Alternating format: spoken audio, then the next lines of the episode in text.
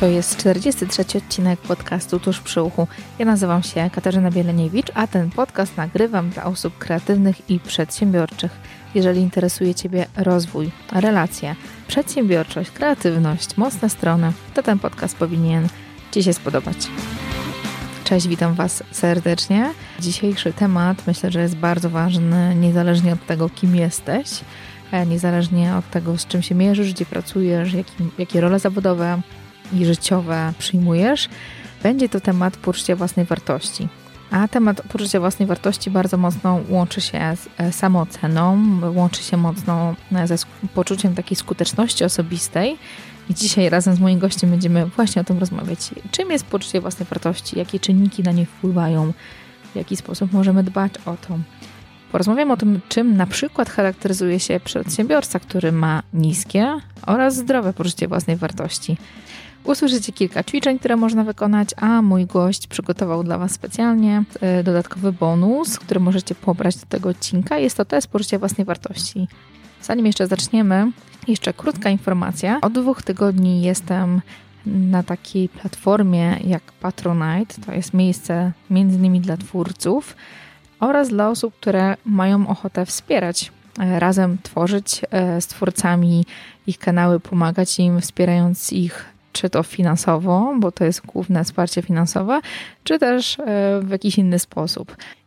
Zdecydowałam się na dołączenie do Patronite, bo chciałabym bardziej publikować i częściej, i regularniej. I mam nadzieję, że wspólnymi siłami nam się to uda. E, bardzo, bardzo serdecznie dziękuję tym kilku osobom, które już zaczęły mnie wspierać. Bardzo serdecznie dziękuję tym osobom, które już zdecydowały się wspierać mój kanał na Patronite. Dziękuję bardzo Karolowi, Krzyśkowi, Natalii, E, osobie, która chciała pozostać anonimowa. Bardzo Wam serdecznie dziękuję. Ja też, ja też się tego uczę. Dla mnie też się to wiąże z nowymi możliwościami, a też nowymi obowiązkami, więc mam nadzieję, że wspólnymi siłami będziemy tworzyć fajną społeczność e, na grupie dla patronów tego podcastu. Ok, to zapraszam Was do wysłuchania rozmowy i poznania mojego gościa. Witam Was serdecznie. Dzisiaj moim gościem jest Kamila Kozioł. Cześć Kamila. Cześć, witam Cię Kasiu, witam Was. E, to na samym początku chciałabym, zanim jeszcze zaczniemy naszą rozmowę, żebyś przedstawiła się słuchaczom, którzy być może Ciebie jeszcze nie znają. E, kim jesteś, co robisz? Nazywam się Kamila Kozioł. Jestem e, z wykształcenia psychologiem, pracuję jako coach, jestem certyfikowanym coachem. Prowadzę sesje coachingowe. Sesje coachingowe prowadzę z kobietami, wzmacniając ich poczucie własnej wartości. Prowadzę również sesje i warsztaty z przedsiębiorcami, którzy chcą budować swoje firmy lub rozbudowywać je w oparciu o, o wartości, o swoje wartości prywatne jako właściciele, ale też o wartości biznesowe, tak aby ich biznes rósł e, w takim kierunku, w jakim oni chcą. Jestem też autorką dwóch książek. E, jedna z książek jest napisana z Kamilą Robińską, nazywa się Dziennik Coachingowy 365 pytań od Twojego coacha. Druga książka to W poczuciu własnej wartości zbuduj swoją wewnętrzną siłę. I właśnie ten drugi temat będziemy dzisiaj rozmawiać. Będziemy rozmawiać o poczuciu własnej wartości, które jest y, taką rzeczą szalenie ważną, szczególnie teraz, kiedy mamy, żyjemy w świecie, w którym jest mnóstwo informacji. Wiele osób kreuje też sama, samych siebie. Nawet wczoraj słuchałam y, bardzo ciekawego wywiadu a propos tego, że często pokazujemy nasz obraz, czy też widzimy obraz innych, który jest zakrzywiony, jest bardzo pozytywny, a mhm. życie trochę inaczej czasami wygląda. A, a są osoby, które budują właśnie poczucie własnej wartości, obserwując e, innych, tak? Więc e, wiele tematów myślę, że dzisiaj się poruszy. A e, na samym początku chciałabym, żebyśmy powiedzieli, czym jest poczucie własnej wartości? Co to znaczy? Wiesz co, koncepcji jest bardzo dużo, ponieważ każdy autor, każdy psycholog rzeczywiście gdzieś tam tworzy podobną koncepcję do innych, natomiast gdzieś tam wkłada zawsze swój, swój kwiatek, który, który, jest, który jest tylko ich. Natomiast ja jestem bliska teorii, że poczucie własnej wartości to jest wiara we własną skuteczność, to, że potrafisz, że dasz radę i przy tym idzie szacunek do samego, do samej siebie. Czyli w momencie, kiedy wierzysz w to, że coś dasz radę zrobić, a zarazem robisz to, ponieważ tego pragniesz, ponieważ jest to zgodne z Twoimi wartościami, z Twoim życiem, to w ten sposób pracujesz i budujesz i żyjesz zgodnie z poczuciem własnej wartości. Nie zapominasz o sobie. Mhm. I powiedziałeś o kilku takich elementach. Jednym z nich jest poczucie własnej skuteczności. I to, co mi się pierwsze kojarzy, jest, bierze się z um, świadomości, że coś re realizuję, że coś robię i y, mam jakieś konkretne efekty, których mi zależy. Mhm. Y, y, nie poczucia y, własnej skuteczności, tylko wiary we własną wiary, skuteczność. Okay. To nie jest kwestia mojego odczucia, że czuję, że wierzę w siebie, tylko ja po prostu wierzę w siebie, wiem, że jeśli odpowiednio się do tego przygotuję, bo oczywiście nikomu nie mówię, że jest w stanie polecieć następnego dnia w kosmos, bo jest to nierealne i nieprawdziwe, choćby nie wiem, jak bardzo w to wierzył. Um, więc jeśli jestem w stanie się do tego odpowiednio przygotować, um, mieć plan A, B, C do Z i robić wszystko, co tylko mogę, to jest właśnie ta wiara we własną skuteczność. I w trakcie tej drogi nam nie wychodzi tak, jak chcemy, to nie podchodzimy do tego jako porażka, która nas totalnie um, rujnuje już nic więcej nie zrobimy, tylko wyciągamy z tego jakieś lekcje, wnioski i działamy dalej, albo zmieniamy swoje cele w taki sposób, aby one były dla nas nadal atrakcyjne i takie, które chcemy osiągać. I wciąż wierzymy, jakby nie, nie przestajemy w siebie wierzyć. To jest wiara we własną skuteczność. Mhm. Mm, I e, często, kiedy padają słowa poczucie własnej wartości, pojawia się e, obok e, takie dwie rzeczy. Niskie poczucie własnej wartości i mhm. wysokie poczucie własnej wartości, które czasami odbierane jest jak nadmierna pewność siebie i jakieś rozdęte ego, tak? I jakbyś mogła trochę więcej powiedzieć o tym, jak, czym się charakteryzuje osoba, która ma niskie poczucie własnej wartości, może inaczej, zdrowe poczucie własnej wartości i wysokie poczucie własnej wartości. Zbyt wysokie. Tak, to, o czym mówi, że ktoś może mieć za wysokie, to często się mówi bardziej o pewności siebie, że istnieje taki moment, w którym ktoś y, gra tak osobę mocno pewną siebie, że staje się zadufany. Często jest to forma e, próby y, kamuflażu niskiego poczucia własnej wartości poprzez wykrzykiwanie, udawanie, aktorzenie po prostu przy innych. Co do wysokiego poczucia własnej wartości, nie ma czegoś takiego. Poczucie własnej wartości może po prostu sięgać nam do nieba i ono nie jest złe. To, to jest wyraz jeszcze większej pewności siebie w tym dobrym tego słowa znaczeniu, tej wiary we własną skuteczność i jeszcze większe dbanie o siebie w taki sposób, że rzeczywiście każde działanie, które podejmuję, staram się jakby przetrawić przez swoje wartości, przez swoje potrzeby i wtedy podejmuję decyzję, czy chcę to zrobić, czy warto to zrobić, czy warto się poświęcić, czy warto komuś pomóc, czy po prostu, tak? Więc nie ma czegoś takiego jak za wysokie poczucie własnej wartości, ale istnieje rzeczywiście niskie poczucie własnej wartości, o której powiedziałaś. I naprawdę bardzo, bardzo dużo osób ma niskie poczucie własnej wartości. Przejawia się ono tym, że takie osoby nie chcą prosić o pomoc, boją się poprosić o pomoc, ponieważ wewnętrznie uważają, mają przekonanie, że jeśli proszą o pomoc, są słabe, nie dają sobie rady, to znaczy, że są kiepskie, nie wiem, są nieżyciowe i w ogóle są beznadziejne. Druga sprawa a propos beznadziejności. Takie osoby bardzo często wewnętrznie albo nawet na głos, co gorsza przy własnych dzieciach, potrafią mówić, że są beznadziejne, głupie, do dupy i różne inne tam nie będę już dalej wspominać. Natomiast generalnie krytykują siebie i to krytyka nie jest absolutnie konstruktywna, nie dotyczy zachowań ani działań, tylko dotyczy osoby, czyli ja jestem. To jest, to jest bardzo duży problem wśród szczególnie kobiet. Kobiety bardzo łatwo i szybko, jakoś mają taką łatwość w obrażaniu siebie samej, niestety. Kolejna e, rzecz, którą mają osoby o niskim poczuciu własnej wartości, to osoby, które nie wiedzą, czego w ogóle w życiu chcą. Są to osoby, które ciągle marudzą, nie mają energii, e, ciągle wydaje mi się, że gonią własny ogon i biorą udział tak zwanym wyścigu szczurów i, i, i ciągle gonią, ciągle nie wiedzą na co, ciągle nie nadążają za, za tym, co mają osiągnąć. Mają często niskie wyniki w pracy, nie osiągają jakichś spektakularnych, albo nawet po prostu na swoją miarę awansów czy, czy celów, ponieważ nie wiedzą w ogóle, jak do tego dojść. Czyli to są takie osoby osadzone tu i teraz, ale nie w tym dobrym tego słowa znaczeniu, tylko w takim po prostu zasiedzeniu się w miejscu, zaproszeniem pierdzenie w stołek i marudzeniu o tym, co jest w ogóle wokół beznadziejnego, nie znajdując absolutnie e, w sobie żadnego powodu, dlaczego tak się dzieje. To są osoby z niskim poczuciem własnej wartości. Mhm. Mm. A mm, powiedziałeś tutaj o kilku takich elementach, a mm, zastanawiam się, wiesz, jakie są, jakie mogą być e, skutki, takie konsekwencje niskiego poczucia własnej wartości, szczególnie u różnych grup, bo jako dziecko mhm. może to zupełnie inaczej wyglądać, e, jako student, jako pracownik, jako osoba związku, tak? Jako mama, mhm. jako tata, e, jako rodzic, czy też po prostu jako osoba, która jest przedsiębiorcą. Te konsekwencje mogą być różne. Mhm, mhm. Znaczy każda z tych, każda z tych grup y, trochę inaczej będzie reagować. Po pierwsze, jeśli chodzi o dzieci, dzieci i, i budowanie poczucia własnej wartości wśród dzieci, a raczej wzmacnianie, bo bardzo istotną informacją jest to, że każdy człowiek rodzi się z poczuciem własnej wartości, a forma wychowywania e, przez rodziców swoich dzieci e, albo to poczucie własnej wartości będzie wzmacniać, albo niestety będzie osłabiać i takie dziecko w przyszłości nie będzie miało poczucia własnej wartości. No, ale gdyby wziąć tak ogólnie i powiedzieć, czy jak, jak wyglądają dzieci z niskim poczuciem własnej wartości, albo jaka będzie konsekwencja e, niskiego poczucia własnej wartości i niewzmacniania w nim e, tego poczucia, są to dzieci, które są rzeczywiście często wycofane, albo dzieci, które e, bardzo szybko rezygnują z próby zrobienia czegoś po raz drugi, e, krzyczą, denerwują się. Chciałabym tu zaznaczyć, że oczywiście istnieją takie przełomowe lata wśród szczególnie małych dzieci, dwu, trzy, czterolatków, które bardzo szybko się denerwują, niecierpliwią i, i irytuje ich e, niewłożenie klocka w klocek albo że nie potrafi sobie poradzić z instrukcją i to jest zupełnie absolutnie naturalne, także tutaj proszę nie doszukiwać się w swoich dzieciach od razu, że są niepewne siebie i w ogóle będzie dramat za pięć lat. Natomiast mówię o, o takim długofalowym, codziennym, ciągłym poddawaniu się, nie podejmowaniu żadnego takiego dziecięcego ryzyka, tak, że a spróbuję skoczyć z sofy, mimo że mama nie pozwala, albo y, przeskoczę dalej, nie wiem, o jeden kamyk, czy, czy, czy nie wiem, zeskoczę ze schodka.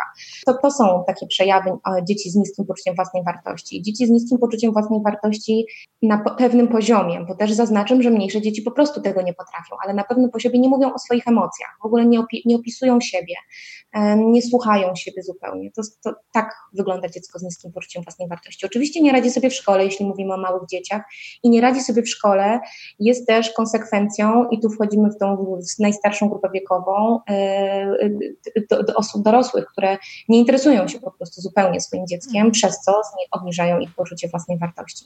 Jeśli mówimy o nastolatkach, nastolatki to są, nastolatkowie to jest rzeczywiście grupa osób, generalnie bardzo trudna, ponieważ e, są to, są to osoby, które e, przechodzą duży bunt i dużą, mm, duży przełom w swoim życiu.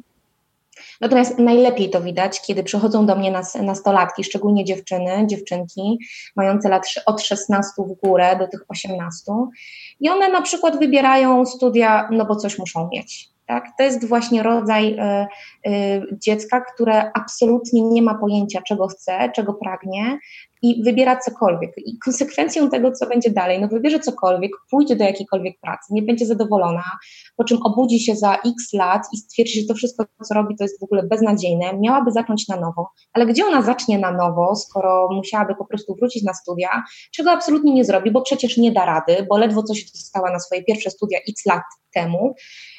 I znowu mamy zamknięte koło, tak? Także takie, takie dzieci, z, nastolatkowie z niskim poczuciem własnej wartości często nie wiedzą tak naprawdę, czego, czego chcą i e, nie potrafią nawiązywać długich, długofalowych relacji, e, takich nastoletnich, koleżeńskich.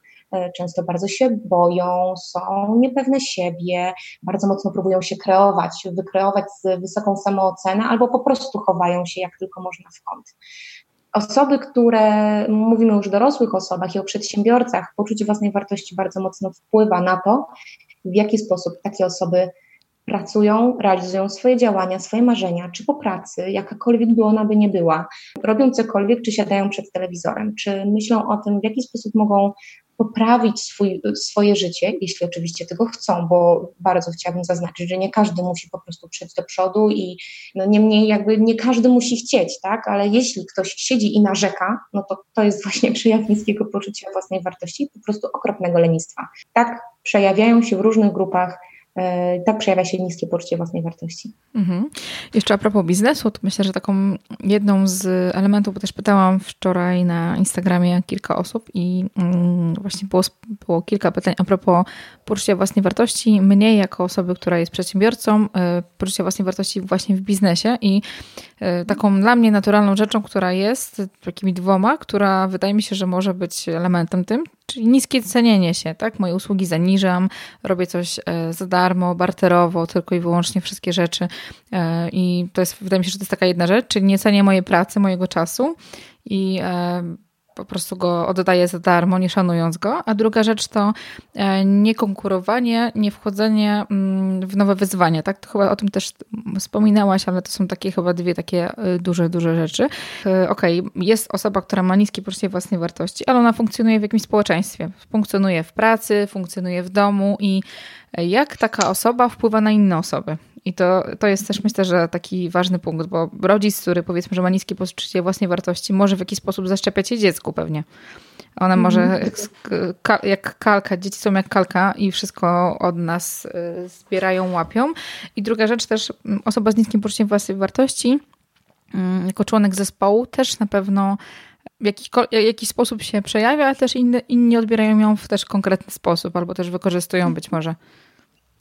Tak, taka osoba bardzo często na przykład bardzo dużo rzeczy neguje, e, nie podejmuje absolutnie żadnego ryzyka. W zespole będzie osobą, która ciągle marudzi, że to się nie da, to się nie uda, że po co w to wchodzi, czy to jest za dużo pracy, albo że to jest beznadziejne, albo przecież ja i tak tego nie potrafię. Czyli to jest taki po prostu taka, taka zespołowa maruda, która, która nie jest w stanie nic zrobić. I najważniejsze, że narzeka też również na to, że to się nie uda, ponieważ wszystkie czynniki z zewnątrz przeszkadzają ku temu, żeby, żeby coś zrealizować.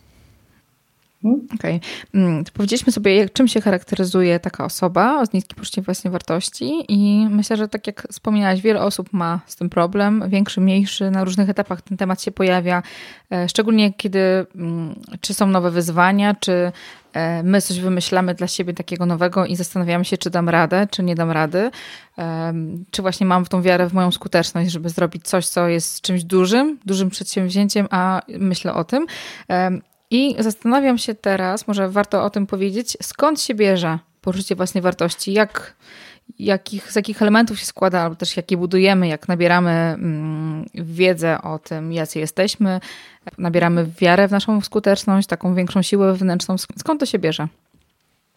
Najprostszym krokiem do tego, żeby zacząć budować poczucie własnej wartości i wziąć to, to, to, to, tą pewność siebie, tą, tą dobrą samoocenę, to są oczywiście różne słowa, znaczy mm, różne kwestie, różne obszary, natomiast to wszystko buduje poczucie naszej e, wartości, jest rozpoczęcie poznania siebie słuchania się w siebie, poznania tego, co tak naprawdę jest dla nas ważne, poznania swoich wartości, określenie swoich celów, określenie swoich marzeń, znalezienie w sobie dobrych stron, które nas wzmacniają i dają nam szansę na polepszenie swojego życia, zrozumienie, jakie mamy y, słabe strony, nazwijmy to, czy jakie y, mamy niekompetencje, które niosą za sobą zagrożenia. I czy te zagrożenia dla nas są rzeczywiście zagrażające, czy one po prostu nie są tak istotne dla nas, po prostu nie przeszkadzają nam w, w życiu codziennym.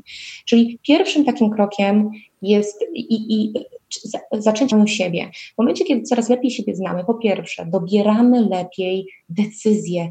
W momencie, kiedy dobieramy lepiej decyzje i decydujemy się na to, co jest dla nas dobre, zaczynamy odczuwać z tego satysfakcję, no bo jakby za tym idzie kolejne działanie, no i w konsekwencji bardzo często to, co się y, zadzieje, nam się podoba, czyli jest pierwszy moment, w którym e, pokazujemy sobie, że działanie zgodnie ze swoimi potrzebami daje nam sukces, tak? Mamy to, czego chcieliśmy, co buduje w nas poczucie własnej wartości. Natomiast chcę zaznaczyć, że sukces, i to teraz jest pokazane, sukcesy czy, czy te dobre momenty nie budują naszej, naszego poczucia własnej wartości, one je wzmacnia, ale żeby to się zadziało, najpierw trzeba mieć poczucie własnej wartości.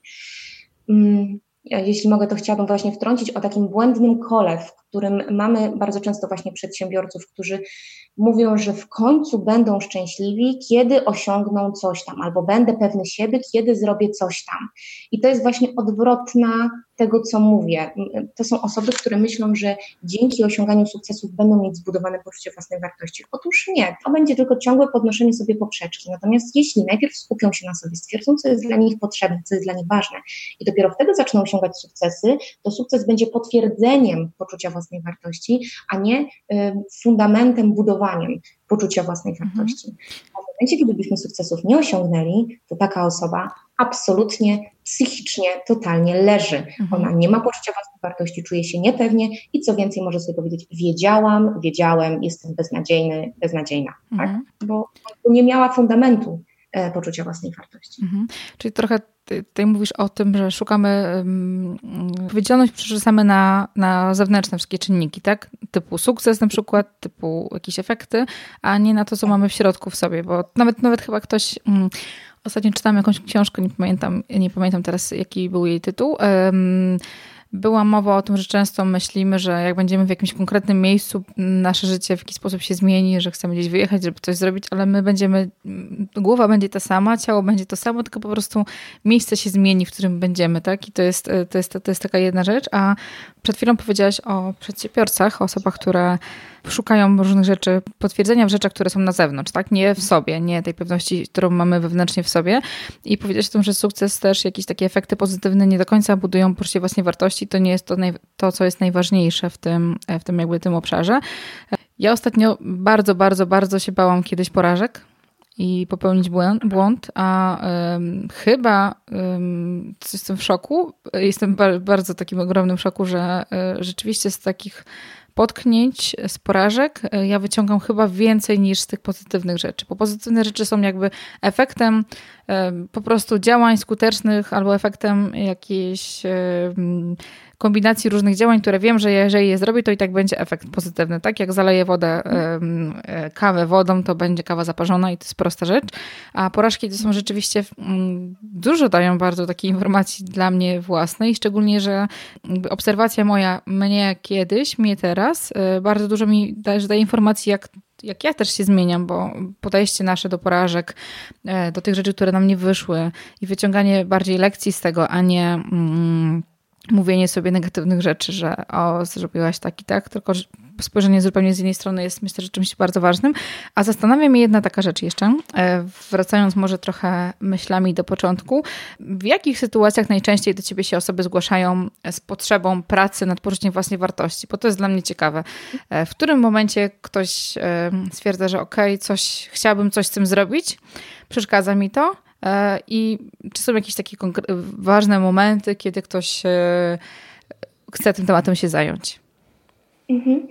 E, są, można powiedzieć, dwie grupy. Jedna grupa osób to jest taka, która przychodzi i mówi, że coś, coś jej nie gra, to znaczy, że na przykład nie ogarnia biznesu, mm, ponosi porażki, e, nie wie w jaki sposób rozwinąć swój biznes, albo nie wie w jaki sposób e, lepiej pracować we własnej firmie, tak aby na przykład osiągnąć jakieś tam wyższe stanowisko lub, nie wiem, zarabiać więcej lub robić coś, co chce. I taka osoba przychodzi jakby z tematem niezwiązanym z poczuciem własnej wartości, natomiast podczas naszej rozmowy okazuje się, że taka osoba nie wierzy w siebie albo tak naprawdę nie ma dokładnie tego określonego celu, co tak naprawdę chce. I, i wtedy zaczyna się praca nad zbudowaniem poczucia własnej wartości.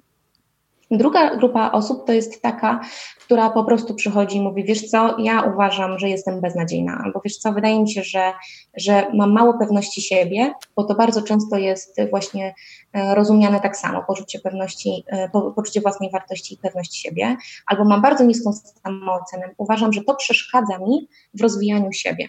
I to jest taka bardzo świadoma osoba, która wie, że problem nie tkwi w jej kompetencjach, tylko tkwi w niej w środku, czyli w, jej poczuciu własnej wartości mhm. i, i samoocenie. Także to są, to są osoby, które albo uważają, że nie wiedzą, jak rozwinąć biznes, okazuje się, że po prostu właśnie nie mają tego poczucia własnej wartości, albo osoby, które przychodzą i mówią, że nie układa im się w domu, że e, kłócą się, że nie wierzy w siebie, że nie wie od czego zacząć, że jest niepoukładana, potrzebuje pomocy w ogarnięciu życia i takiej ogarnięciu wewnętrznym. Mhm. Okay, czyli są osoby, które sobie uświadamiają to, że to jest ten moment, kiedy chciałoby się tym zająć, e, przeszkadza im to mm, i wiedzą, że przez to nie mogą e, realizować jakichś swoich dużych rzeczy, które mają w głowie na przykład. Myśląc o przedsiębiorcach, nie podejmują jakiegoś wyzwania nowego, czy też E, nie biorą klienta, który dla nich jest, wydaje się, że dla nich za trudny, tak? a wcale może tak nie być i im to przeszkadza. I zastanawiam się, od czego warto zacząć, bo mm, powiedziałeś o tym, że poczucie własnej wartości czasami, też w, w terminologii też jest, łączy się ze słowem samoakceptacja, że to jest takie dwa słowa, które się z sobą wymienne często są stosowane. I jak możemy budować mm, samoakceptację, szczególnie kiedy jesteśmy już dorosłymi osobami, czyli mamy już swoje zwyczaje, nawyki, e, jakieś e, przekonania w głowie, czy też głosy, które, głosy wewnętrzne różne, które są głosami różnych osób, które mamy, które poznaliśmy na swojej drodze. E, od czego warto by było zacząć? Samoocena jest rozumiana w psychologii wielorako, w zależności znowu od, od osoby, która taką koncepcję opisuje. Natomiast najczęściej mówi się o samoocenie w taki sposób, że jest to opinia, subiektywna opinia na temat tego, jak jesteś e, widziana przez samą siebie. I najczęściej ocenia się w tej samoocenie e, atrakcyjność, czyli to, czy, się, czy, się, czy jesteśmy według siebie ładni, e, swoje umiejętności interpersonalne, czyli czy się uśmiechamy, czy potrafimy się znaleźć w towarzystwie i takie inne umiejętności, które są rozumiane bardzo często jako talent, na przykład wiem, talent w malowaniu, talent w tańcu, talent w śpiewaniu. No i to jest, i, i, i oceniamy to względem najczęściej czynników zewnętrznych, a poza tym mówi się jeszcze o czymś takim jak ja idealnym i ja realnym. I im większa e, jest różnica pomiędzy tym ja idealnym, jakbym chciała wyglądać i jak teraz wyglądam, tym niższa jest nasza samoocena, mhm. ponieważ nie jesteśmy w stanie dobić, dosięgnąć tego idealnego obrazu samego siebie, samej siebie.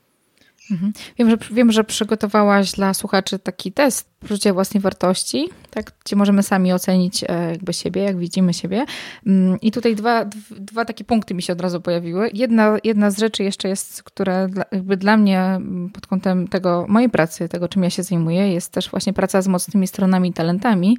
Akurat ja zajmuję się tą metodologią, e, którą Instytut Galupa jakby szerzy, czyli talent tutaj jest rozumiany bardziej jako, e, nie jako właśnie czynność typu śpiewanie, czytanie, bardziej jako taki nasz unikalny sposób myślenia, działania, wykonywania, różnych rzeczy. To, to, widzę, widzę, jak to działa u innych osób, u klientów, szczególnie takich, którymi długo pracuję i którzy widzę ten proces cały, jak przebiega. Z osoby, która jest bardzo, y, źle siebie ocenia, negatywnie bardzo i te, te poczucie własnej wartości, czy też samoocena bardziej jest bardzo, bardzo, bardzo niska, e, do momentu, kiedy rozumie, dlaczego tak się zachowuje, rozumie swoją odmienność, po prostu ma, daje sobie szansę, żeby lepiej poznać siebie i e, pokochać siebie, mogę tak chyba powiedzieć, tak? Zrozumieć siebie, powiedzieć, że okej, okay, to jestem ja, ja tak działam, to jestem ja, nie ktoś inny, tylko to, jest, to są jakieś mo moje rzeczy. I tak jak powiedzieć a propos tego, e, żeby obserwować siebie i też budować swoją samoocenę, chyba ważną rzeczą jest to, żeby mieć w ogóle chęć dać sobie czas na to, bo to jest, to jest, to jest, to jest duża praca. Jesteśmy z sobą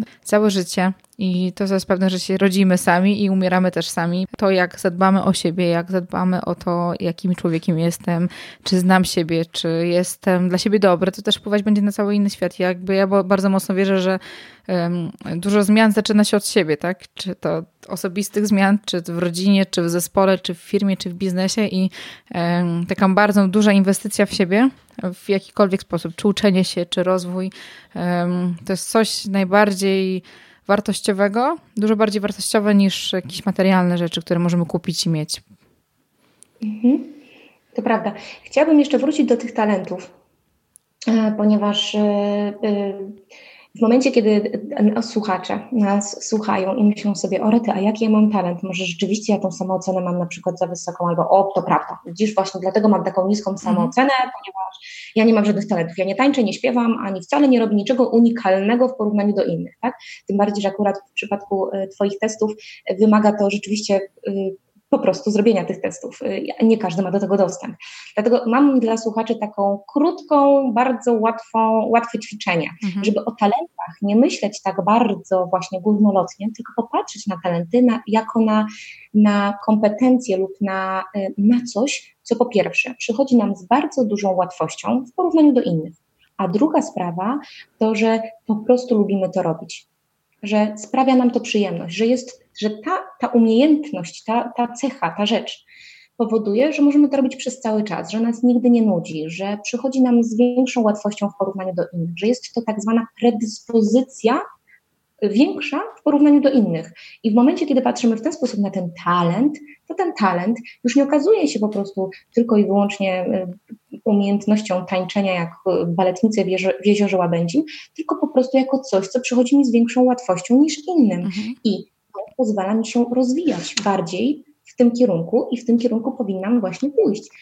Także nie ma co patrzeć na ten talent tak bardzo, bardzo szumnie, tak bardzo wysoko, tylko raczej właśnie ten talent mówić o nim jako o predyspozycji, o czymś, o umiejętności, która przychodzi nam z większą łatwością w porównaniu dla innych. Mhm. Tak, zgadzam się. I to też jest jeden z takich przesłanek, który, przesłanek talentów. Te akurat, którymi ja się zajmuję, one są, są bardzo konkretnie nazwane, więc pokazują mhm. palcem, co to dokładnie jest. E, mhm. I tak jak e, u mnie na przykład bardzo dużo, ja bardzo mocno myślę o przyszłości i dla mnie mogłabym zarabiać tylko na zasadzie myślenia i zarabiać myśląc e, różne rzeczy, wymyślając, myśląc o przyszłości, planując, to inni mogą zupełnie w inny sposób na to patrzeć. To jest jeden taki punkt. Mm, co jeszcze jest ważnego w mm, budowaniu takiego zdrowego poczucia własnej wartości? Wspomniałaś o wartościach i wartości to są, wartości to jest coś, co bardzo, ja bardzo, bardzo, bardzo, bardzo lubię i wartości, nawet my, my miałyśmy okazję wcześniej o tym trochę rozmawiać um, i podpowiedziałaś mi bardzo fajną rzecz, żeby te wartości, które ja mam, bo ja mam gdzieś też swoje wartości rozpisane dla siebie osobiście, żeby rozpisać je dla biznesu swojego, tak? I to jest zupełnie coś innego, e, ale zrobić własną definicję tych wartości. To dla mnie było coś jednak odkrywczego, bo um, wydawało mi się, że wartość, wartość, niezależność jest czymś oczywistym, a rzeczywiście dla mnie się przejawia w konkretny sposób i, i też te wartości pomagają nam podejmować decyzje różne i według nich możemy decydować, co, w którym kierunku iść, którym nie. I mm, jak te wartości, szczególnie w, w tym obszarze biznesowym, mogą nam pomagać e, budować e, takie zdrowe poczucie własnej wartości? Mhm. Wartości biznesowe nie zbudują Twojego poczucia własnej wartości, natomiast e, na pewno osadzą Cię w przekonaniu, że to, co robisz, jest wartościowe i to, co robisz, jest zgodne z, samym, z samą Tobą. E, no, to można powiedzieć, że jakby idąc dalej tym tokiem myślenia, rzeczywiście utwierdził się w przekonaniu, także będziesz wzmacniać swoje poczucie własnej mhm. wartości, a przynajmniej przekonanie o tym, że to, co robisz, jest istotne dla ciebie i ważne i, i będziesz to robiła zdecydowanie lepiej. Tak jak powiedziałaś, to jest bardzo ważna informacja. Naprawdę w wielu książkach, praktycznie co drugiej książce poradnikowo-coachingowej znajduję ćwiczenie z wartościami. Zresztą, no oczywiście ja w moich dwóch książkach też mam ćwiczenia o wartościach. Natomiast książka ma to do siebie, że to nie jest jednak spotkanie z psychologiem, z coachem i nie da się pociągnąć tematu dalej, tak, aby te wartości, które się wyłoni najczęściej z tabelki iluś tam dziesięciu wartości, aby je dokonkretyzować i określić dokładnie tak, co to dla Ciebie znaczy. Najczęściej te ćwiczenia kończą się po prostu na wykreśleniu, wykreśleniu konkretnych y, wartości, pozostawieniu kilku jako Twoich głównych. Natomiast y, praca z wartościami w tym miejscu się nie kończy, ona się tak naprawdę dopiero zaczyna.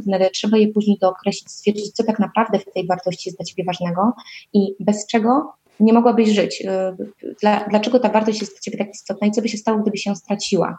Teraz wracając do biznesu. Y, kiedy mamy wypisane wartości bardziej biznesowe, bo nie wszystkie wartości takie typowo prywatne będą związane z biznesem, chociaż to jest kwestia tak naprawdę określenia i znalezienia definicji biznesowej dla tych wartości, no ale zakładajmy jednak, że, że są to wartości bardziej biznesowe. Te wartości biznesowe, rzeczywiście określenie ich w sposób biznesowy pozwala Ci określać później cele strategiczne i cele krótkoterminowe dla swojego przedsiębiorstwa, dla swojej firmy. W momencie, kiedy na przykład jednym z z, z wartości byłaby, nie wiem, etyka, bo bardzo często się przejawia etyka i etyka ma naprawdę może być rozumiana bardzo, bardzo różnie, natomiast najczęściej chodzi o bycie uczciwym wobec klientów i o bycie uczciwym wobec pracowników jeśli mamy jakiś zespół. I osoba, która, osoba, która chce rzeczywiście budować firmę w oparciu o wartości i myśli o, o wartościach, każdą decyzję Każdą, I każdą decyzję może przeanalizować pod kątem e, swoich wartości. I ja to strasznie mocno poczułam w ostatnich półtora roku, jak e, u mnie zaczął taki większy przesiadłam się z tylnego siedzenia na pierwsze siedzenie i no to o tym mhm. też miałyśmy okazję wcześniej rozmawiać e, i zobaczyłam, że zupełnie to są inne wyzwania. Decyzje, które podejmuję teraz, podjęte pod kątem mm, właśnie wartości, moich takich celów osobistych, e, tego, co bym chciała osiągnąć, są dużo bardziej skuteczne, jeżeli wszystko to mm, w sobie będzie zawarte i będę myśleć bardziej długodystansowo, bo wiele sytuacji, które, decyzji, które podjęłam na początku, wydawało mi się, że są dobre na ten moment, a nie wkalkulowałam że za chwilę sytuacja się zmieni i tamta decyzja jest zupełnie niepotrzebna i jest niekorzystna, niekorzystna dla mnie, a na przykład nie spełnia moich wartości typu niezależności, e, która jest bardzo, czy niezależność, wolność, tak, tak można tak to e, zrozumieć. Mhm. E, I jeszcze tutaj jedno takie pytanie mi się pojawiło a propos tej pracy nad własnym poczuciem własnej wartości, że to nie jest taka rzecz, którą można pójść na trening, dwa dni odbyć szkolenie, warsztaty i już jest wszystko załatwione, tylko to jest praca bardzo, wydaje mi się, że dosyć długa. Ja teraz zaczęłam od Jestem teraz w piątym tygodniu pracy z tą książką Sześć filarów poczucia własnej wartości. Ćwiczenia są bardzo proste, ale e, tam jest 30 32 albo 34 tygodnie i e, nie chodzi nawet o to, czy to jest, e, czy te ćwiczenia są zaawansowane, czy nie. To jest dokończanie, po prostu dokończanie zwykłych zdań, ale powoduje to, że przez te 32 tygodnie ja mam skupienie na tym temacie jest i codziennie te ćwiczenia są wplecione w zwykłą codzienność i automatycznie jakby myślę o tym, tak? I to się w głowie pojawia i pewnie też, pewnie wiele osób chciałoby mieć taką magiczną różdżkę i ciach i już moje poczucie własnej wartości, jakby poczucie skuteczności jest dużo, dużo, dużo wyższe. E, powiem Ci, że bardzo lubię porównywać budowanie czy wzmacnianie poczucia własnej wartości nie tyle do, do, do warsztatów, bo rzeczywiście warsztaty są krótkie, ale właśnie do budowania własnej sylwetki. Każda kobieta dobrze wie, to nie jest pójście raz na siłownię albo skorzystanie z diety cud.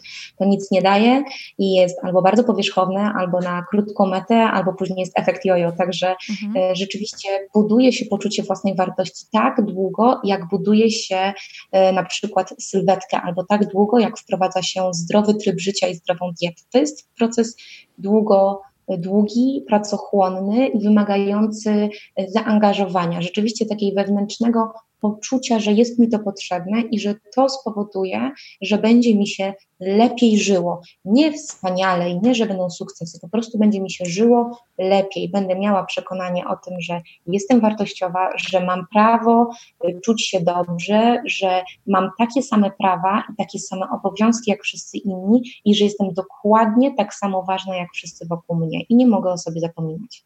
Mhm. Jeszcze moja taka jedna z obserwacji a propos. Yy różnych ludzi jest to, że często lubimy żyć życiem innych osób, lubimy podglądać inne osoby, lubimy e, sugerować się, inspirować się innymi, a często zapominamy o tym, że mm, każdy z nas jest zupełnie inny. E, nie każdy pokazuje wszystkie rzeczy, które są, szczególnie jak teraz mamy taki duży dostęp do internetu i ktoś nam pokazuje swoje życie, które jest jakby wyrywkiem, tylko krótkim fragmentem skupienie się na sobie, praca nad sobą i zajmowanie się swoim życiem, no, może być wyzwaniem tutaj dużym, tak? Szczególnie kiedy może, nie jest tak, może nie jest tak mocno e, inspirujące, ciekawe, jak nam się wydaje innych osób. I wydaje mi się, że osoby, które mają rzeczywiście mocne i silne poczucie własnej wartości, dbają po prostu o siebie, doceniają siebie, zajmują się sobą bardziej niż innymi.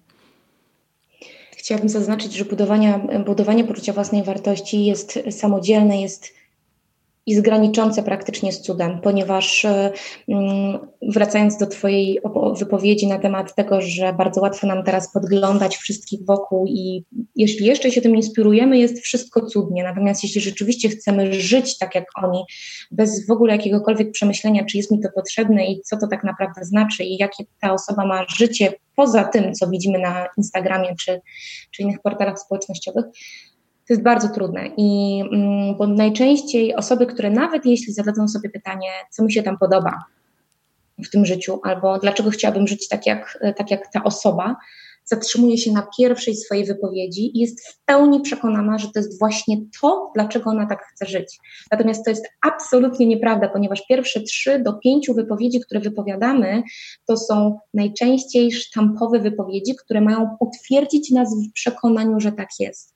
I praca samodzielna najczęściej tu się zatrzymuje. I to nie dotyczy osób, które nie zajmują się coachingiem, bo ja jako coach, chcąc dojść do setna sprawy, do konkretnego tematu, do moich przesłanek, do moich przekonań samodzielnie, u mnie to tak samo praktycznie graniczy z cudem, ponieważ ja też mam mechanizmy po prostu psychologiczne, które blokują mnie na pewnym etapie, abym nie odczuwała tak zwanego dysonansu pomiędzy tym, co robię, a tym, co mówię. Mhm. Każdy człowiek mniej lub bardziej świadomie dąży do tego, żeby być spójnym wewnętrznie i zewnętrznie. Mhm. E, dlatego praca samodzielna nad poczuciem własnej wartości jest praktycznie niemożliwa i dlatego warto porozmawiać z osobą, która buduje poczucie własnej wartości, a jak nie taka, to po prostu z psychologiem, czy terapeutą, czy osobą, która zajmuje się znajdywaniem w drugiej osobie tego, tych, tych wartości, tych potrzeb i tych pragnień, które rzeczywiście będą prawdziwe jej, mogą być w oparciu o inspirację, o to, jak, jak ludzie inni sobie żyją. Natomiast wyciąganie z tego, tego, co najbardziej nam się podoba i e, przefiltrowanie to przez swoje możliwości, bo to jest najgorsze, że ludzie myślą, że chcą żyć tak jak dana osoba, nie myśląc o tym, na jakim one są etapie finansowym, ekonomicznym, społecznym, tak? I i ta ogromna różnica pomiędzy tym, jak chcą żyć. Najczęściej są to osoby, które żyją lepiej, tak? E, trochę lepiej albo bardzo dobrze, dużo lepiej. I ta różnica pomiędzy nimi może być przytłaczająca. Mhm. Dlatego e, nie polecam e, porównywać się do, do innych osób. Polecam się inspirować, patrzeć, ale wyciągać to, co jest możliwe dla mnie na tu i teraz, mhm. bo inaczej można po prostu. Takie mi się kilka rzeczy pojawiło. Jedna z nich to właśnie w rozmowie z Pawłem Tkaczykiem, który był gościem w jednym z odcinków u mnie, też podam link od razu. Właśnie a propos, mm, on bardzo dużo mocno mówił a propos e, warsztatu, że warsztat, rzemiosło jest bardzo ważne e, i nie patrzenie na innych, bo każdy z nas, e, ktoś trafił w mega nisza i za dwa miesiące robiąc to samo, co on, nie jesteś w stanie tego samego efektu osiągnąć.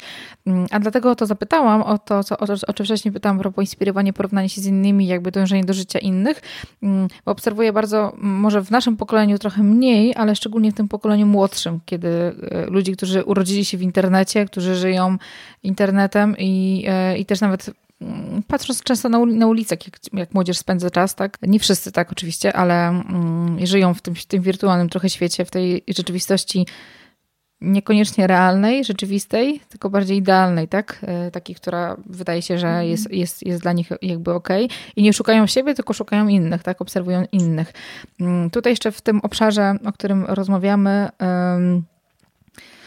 myślę, że e, tym, co jest chyba też ważne dla osób, które e, mają tą samoakceptację dużą, e, dają sobie prawo do porażek, do tego, że robią coś, mogą popełnić błąd i to, to jest ok, bo się uczą różnych rzeczy, jest też taka, takie duże poczucie odpowiedzialności.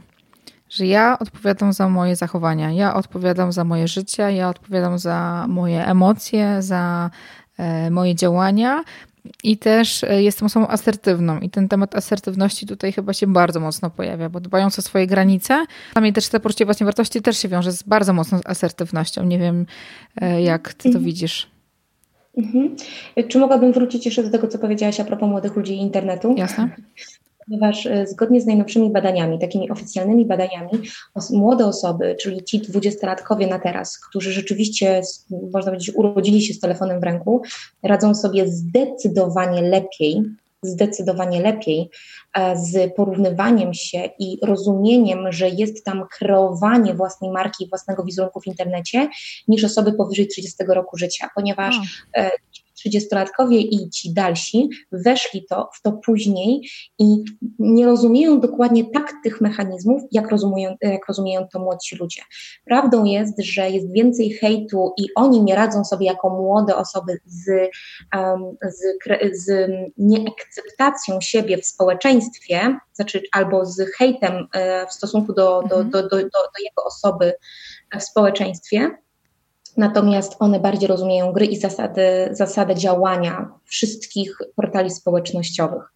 Także myślę, że oni są trochę lepszej sytuacji, pod warunkiem, że potrafią reagować odpowiednio i kontrolować swoje emocje i wiedzieć, że niektórzy po prostu robią nam przykrość, dlatego żeby zrobić nam przykrość, tak? Czyli po prostu umie, umiejętność radzenia sobie z hejtem mhm. samym sobie. No widzisz, to nie wiedziałam, nie wiedziałam tego, miałam inne, inne poczucie, ale to tak przesfiltrowałam po swoim kątem być może. Mhm, to są, to są oficjalne badania i to, jak trafię, to ci powiem, jakieś amerykańskie badania właśnie dotyczące radzenia sobie z, mhm. z znaczy rozumienia mechanizmów. Natomiast co do asertywności. Asertywność rzeczywiście E, rozumiana tak prawdziwie jako asertywność, czyli rozumienie swoich granic i e, umiejętność decydowania o tym, co chcę zrobić, a czego nie chcę zrobić w taki sposób i mówienia o tym e, drugiej osobie w taki sposób, aby jej nie urazić, a zarazem powiedzieć o swoich potrzebach, jest rzeczywiście kluczowe. Natomiast takiej asertywności nie trzeba się szczególnie uczyć, nie trzeba się nastawiać na samą asertywność jako asertywność, ponieważ w momencie, kiedy my odczujemy i poczujemy, że mamy takie potrzeby, że mamy takie wartości i chcemy z nimi naprawdę żyć, powiedzenie spokojnie, że sorry, nie zrobię tego albo przepraszam, nie mam teraz czasu, czasu, ponieważ muszę się zająć czymś innym, albo nie, dziękuję, nie wejdę w to, ponieważ jest to niezgodne z tym, co w ogóle ja bym chciała w życiu robić, nie jest trudne. Nie trzeba się sztucznie uczyć asertywności jako osobnego tematu. Mhm. Wyjdzie to po prostu samo z siebie. Także można sobie zaufać w tej kwestii, że jeśli rzeczywiście dotrzemy do własnych wartości, do własnych potrzeb, do własnych celów, własnej misji, mm, dalsze działanie będzie naprawdę łatwe i odmawianie rzeczy, które są niezgodne z tymi obszarami, też będzie łatwe. Mhm. A jak inne osoby mogą nam pomóc w, mm, w takim sprawdzeniu, e, czy ja realne, ja idealne jest e, gdzie jest ta granica, tak? Bo inne osoby też są w stanie nam pomagać, szczególnie kiedy na przykład nasza samoocena jest bardzo niska, a ktoś nam daje z boku informację zwrotną, że słuchaj, super to robisz, a nam się wydaje, że nie do końca. I jak możemy w mądry sposób korzystać z pomocy innych osób, które mamy wokół siebie?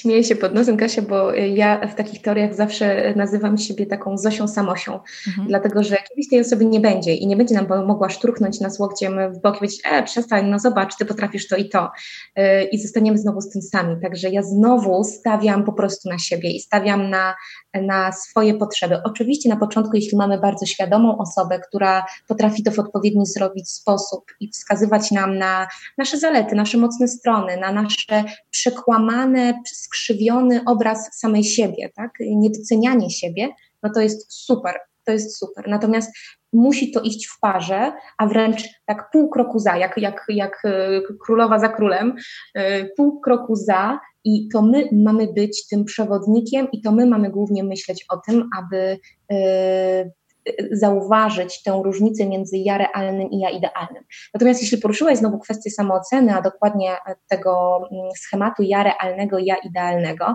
to praca na przykład ze mną polega na tym, że my jakby od, odczarowujemy to ja idealne i dodajemy uroku ja realnemu na tyle, że różnica pomiędzy nimi staje się zdecydowanie mniejsza.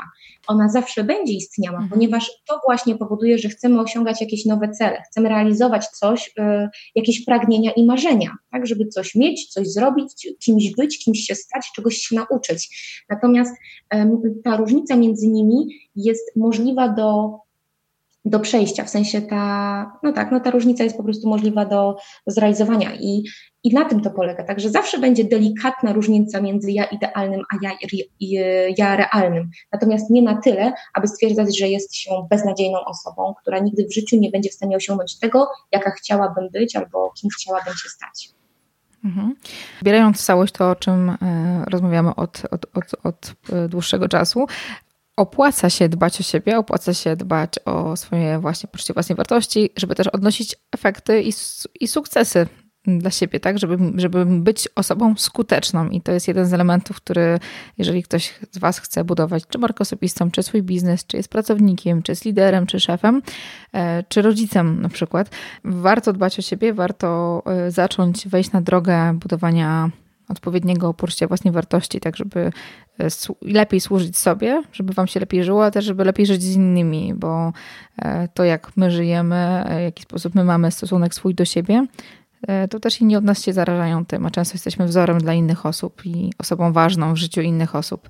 Mm, zastanawiam się jeszcze, czy na koniec możemy jakieś książki podać, które warto przeczytać, które mogą być takim elementem pierwszym w, poszukiwaniu tych obszarów.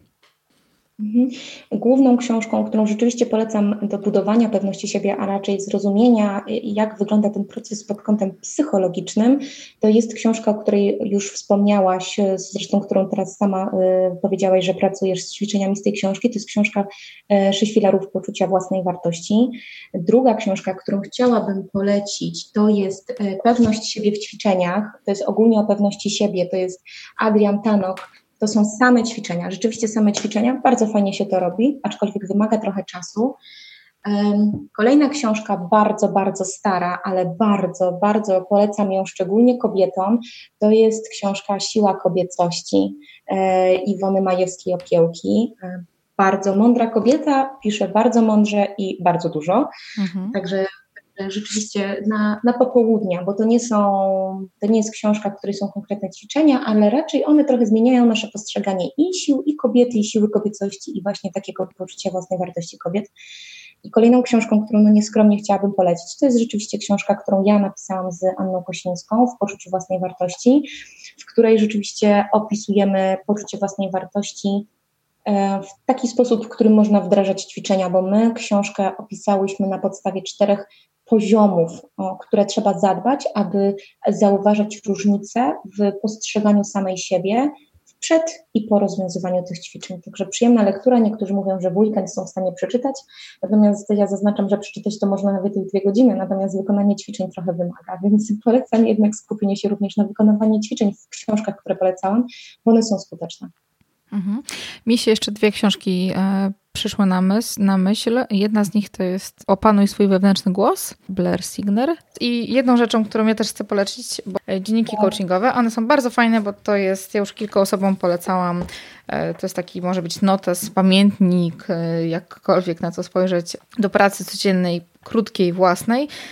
Hmm, czy jakieś filmy może chciałabyś polecić, albo wykłady, albo jakieś ciekawe wideo, które, które ci przyszło jeszcze do głowy? Virginia Satir, ja nie wiem, czy ona ma wykłady, natomiast Virginia Satir to jest też e, kobieta, która pisze książki dotyczące poczucia własnej wartości. Ona pisze książki bardziej chyba, pod, jeśli rozumiem, pod kątem budowania poczucia własnej wartości w rodzinie, ale nie mam stuprocentowego przekonania, natomiast rzeczywiście to nazwisko często mi się pojawiało.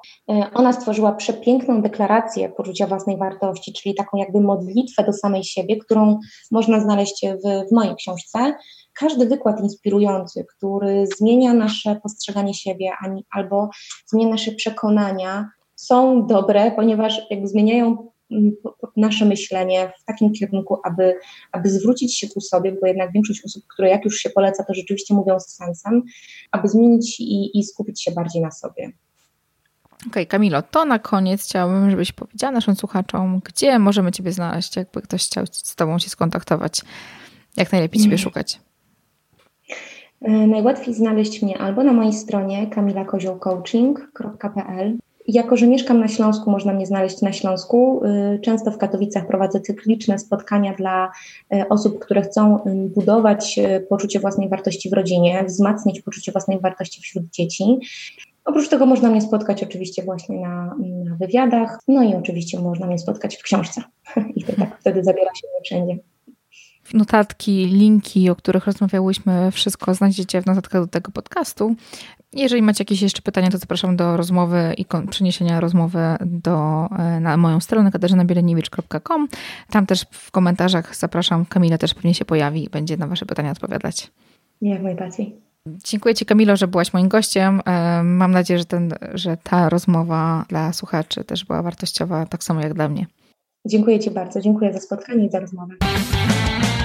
Dziękuję wszystkim osobom, które dotrwały do tego momentu. Zapraszam do notatek do tego podcastu, do wideo, które jest dostępne na YouTube, do tego podcastu, który możecie zobaczyć naszą rozmowę oraz zapraszam do pobrania e, testu poczucia własnej wartości, który Kamila dla Was przygotowała.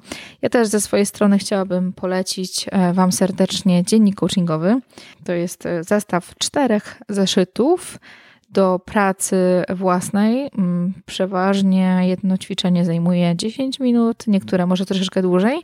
Jest to bardzo ciekawa alternatywa do pisania dziennika, ponieważ tam macie już jakąś strukturę, jakiś pomysł na to, co powinno się każdego dnia zadziać, a też dzięki temu, że to jest e, zaplanowane na cały rok, możecie zobaczyć swój progres, to jak to u Was wygląda. Też myślę, że link do tego produktu też zamieszczę w notatkach do tego podcastu, tam go znajdziecie. Przed Wami dwa odcinki, które pojawią się już w listopadzie. Jeden będzie dotyczył home office, druga część, czyli e, sprzęty, aplikacje, o których nie mówiłam, nie mówiliśmy wcześniej. E, teraz dodatkowo będzie dołączona właśnie ta lista oraz test słuchawek, o który też prosiliście.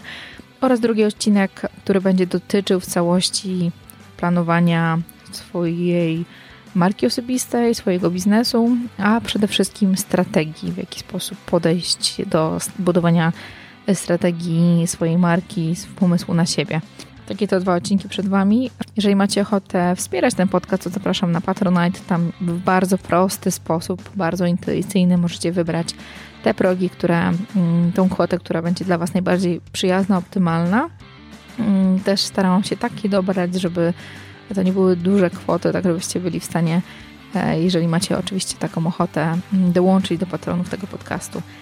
Bardzo Wam dziękuję, życzę Wam wspaniałej jesieni, dbajcie o siebie, ubierajcie się ciepło i suplementujcie. Ta pogoda nas nie rozpieszcza, a warto bardzo mocno zadbać o siebie, żeby z tą dobrą energią zakończyć ten rok. Pozdrawiam serdecznie i do usłyszenia już niebawem.